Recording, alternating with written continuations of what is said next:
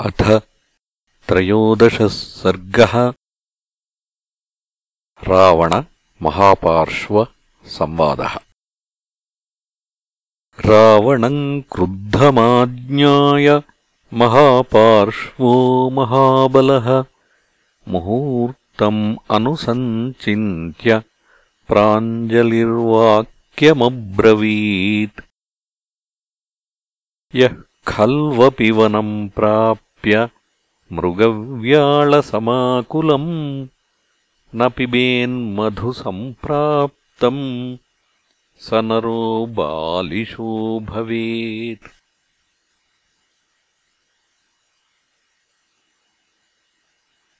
ईश्वरस्येश्वरः कोऽस्ति तव शत्रुनिबर्हण रमस्व सह वैदेह्या शत्रून् आक्रम्यमूर्धसु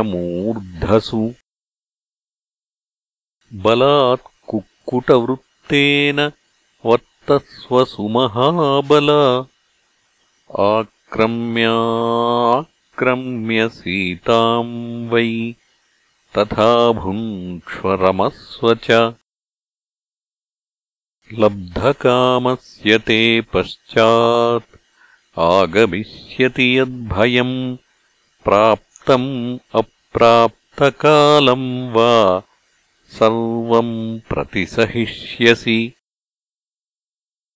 कुम्भकर्णः सहास्माभिः इन्द्रजिच्च महाबलः प्रतिषेधयितुम् शक्तौ सवज्रमपि वज्रिणम्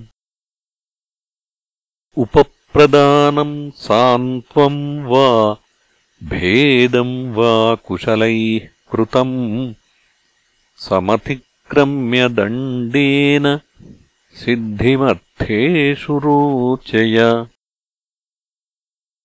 इह प्राप्तान् वयम् सर्वान् शत्रूंस्तव महाबल। वशेषस्त्रप्रतापेन करिष्यामो न संशयः। एवमुक्तस्तदा राजा महापार्श्वेन रावणः तस्य सम्पूजयन् वाक्यम् इदम् वचनमब्रवीत्। महापार्श्वनिबोधत्वम् रहस्यम् किञ्चिदात्मनः चिरवृत्तम् तदाख्यास्ये यदवाप्तम् मया पुरा। पितामहस्य भवनम् गच्छन्तीम् पुञ्जिकस्थलाम् चञ्चूर्यमाणाम् अद्राक्षम् आकाशेऽग्निशिखामिव सा प्रसह्य मया भुक्ता कृता विवसना ततः स्वयम्भुभवनम् प्राप्ता लोलिता नलिनी यथा। तस्य तच्च तदा मन्ये ज्ञातमासीन्महात्मनः अथ सङ्कुपितो देवो मामिदम् वाक्यमब्रवीत् अद्य प्रभृति यामन्याम् बलान्नारीम् गमिष्यसि तदा ते शतधा मूर्धा फलिष्यति न संशयः इत्यहम् तस्य शापस्य भीतः प्रसभमेव ताम् नारूपये बलात् सीताम् वैदेहीम् शयने शुभे। सागरस्येव मे वेगो मारुतस्येव मे गतिः। नैतद्दाशरथिर्वेदः ह्यासादयति तेन माम् यस्तु सिंहमिवासीनम् सुप्तम् गिरिगुहाशये क्रुद्धम् मृत्युमिवासीनम् प्रबोधयितुमिच्छति। न मत्तो निशितान् बाणान् द्विजिह्वानिव पन्नगान्।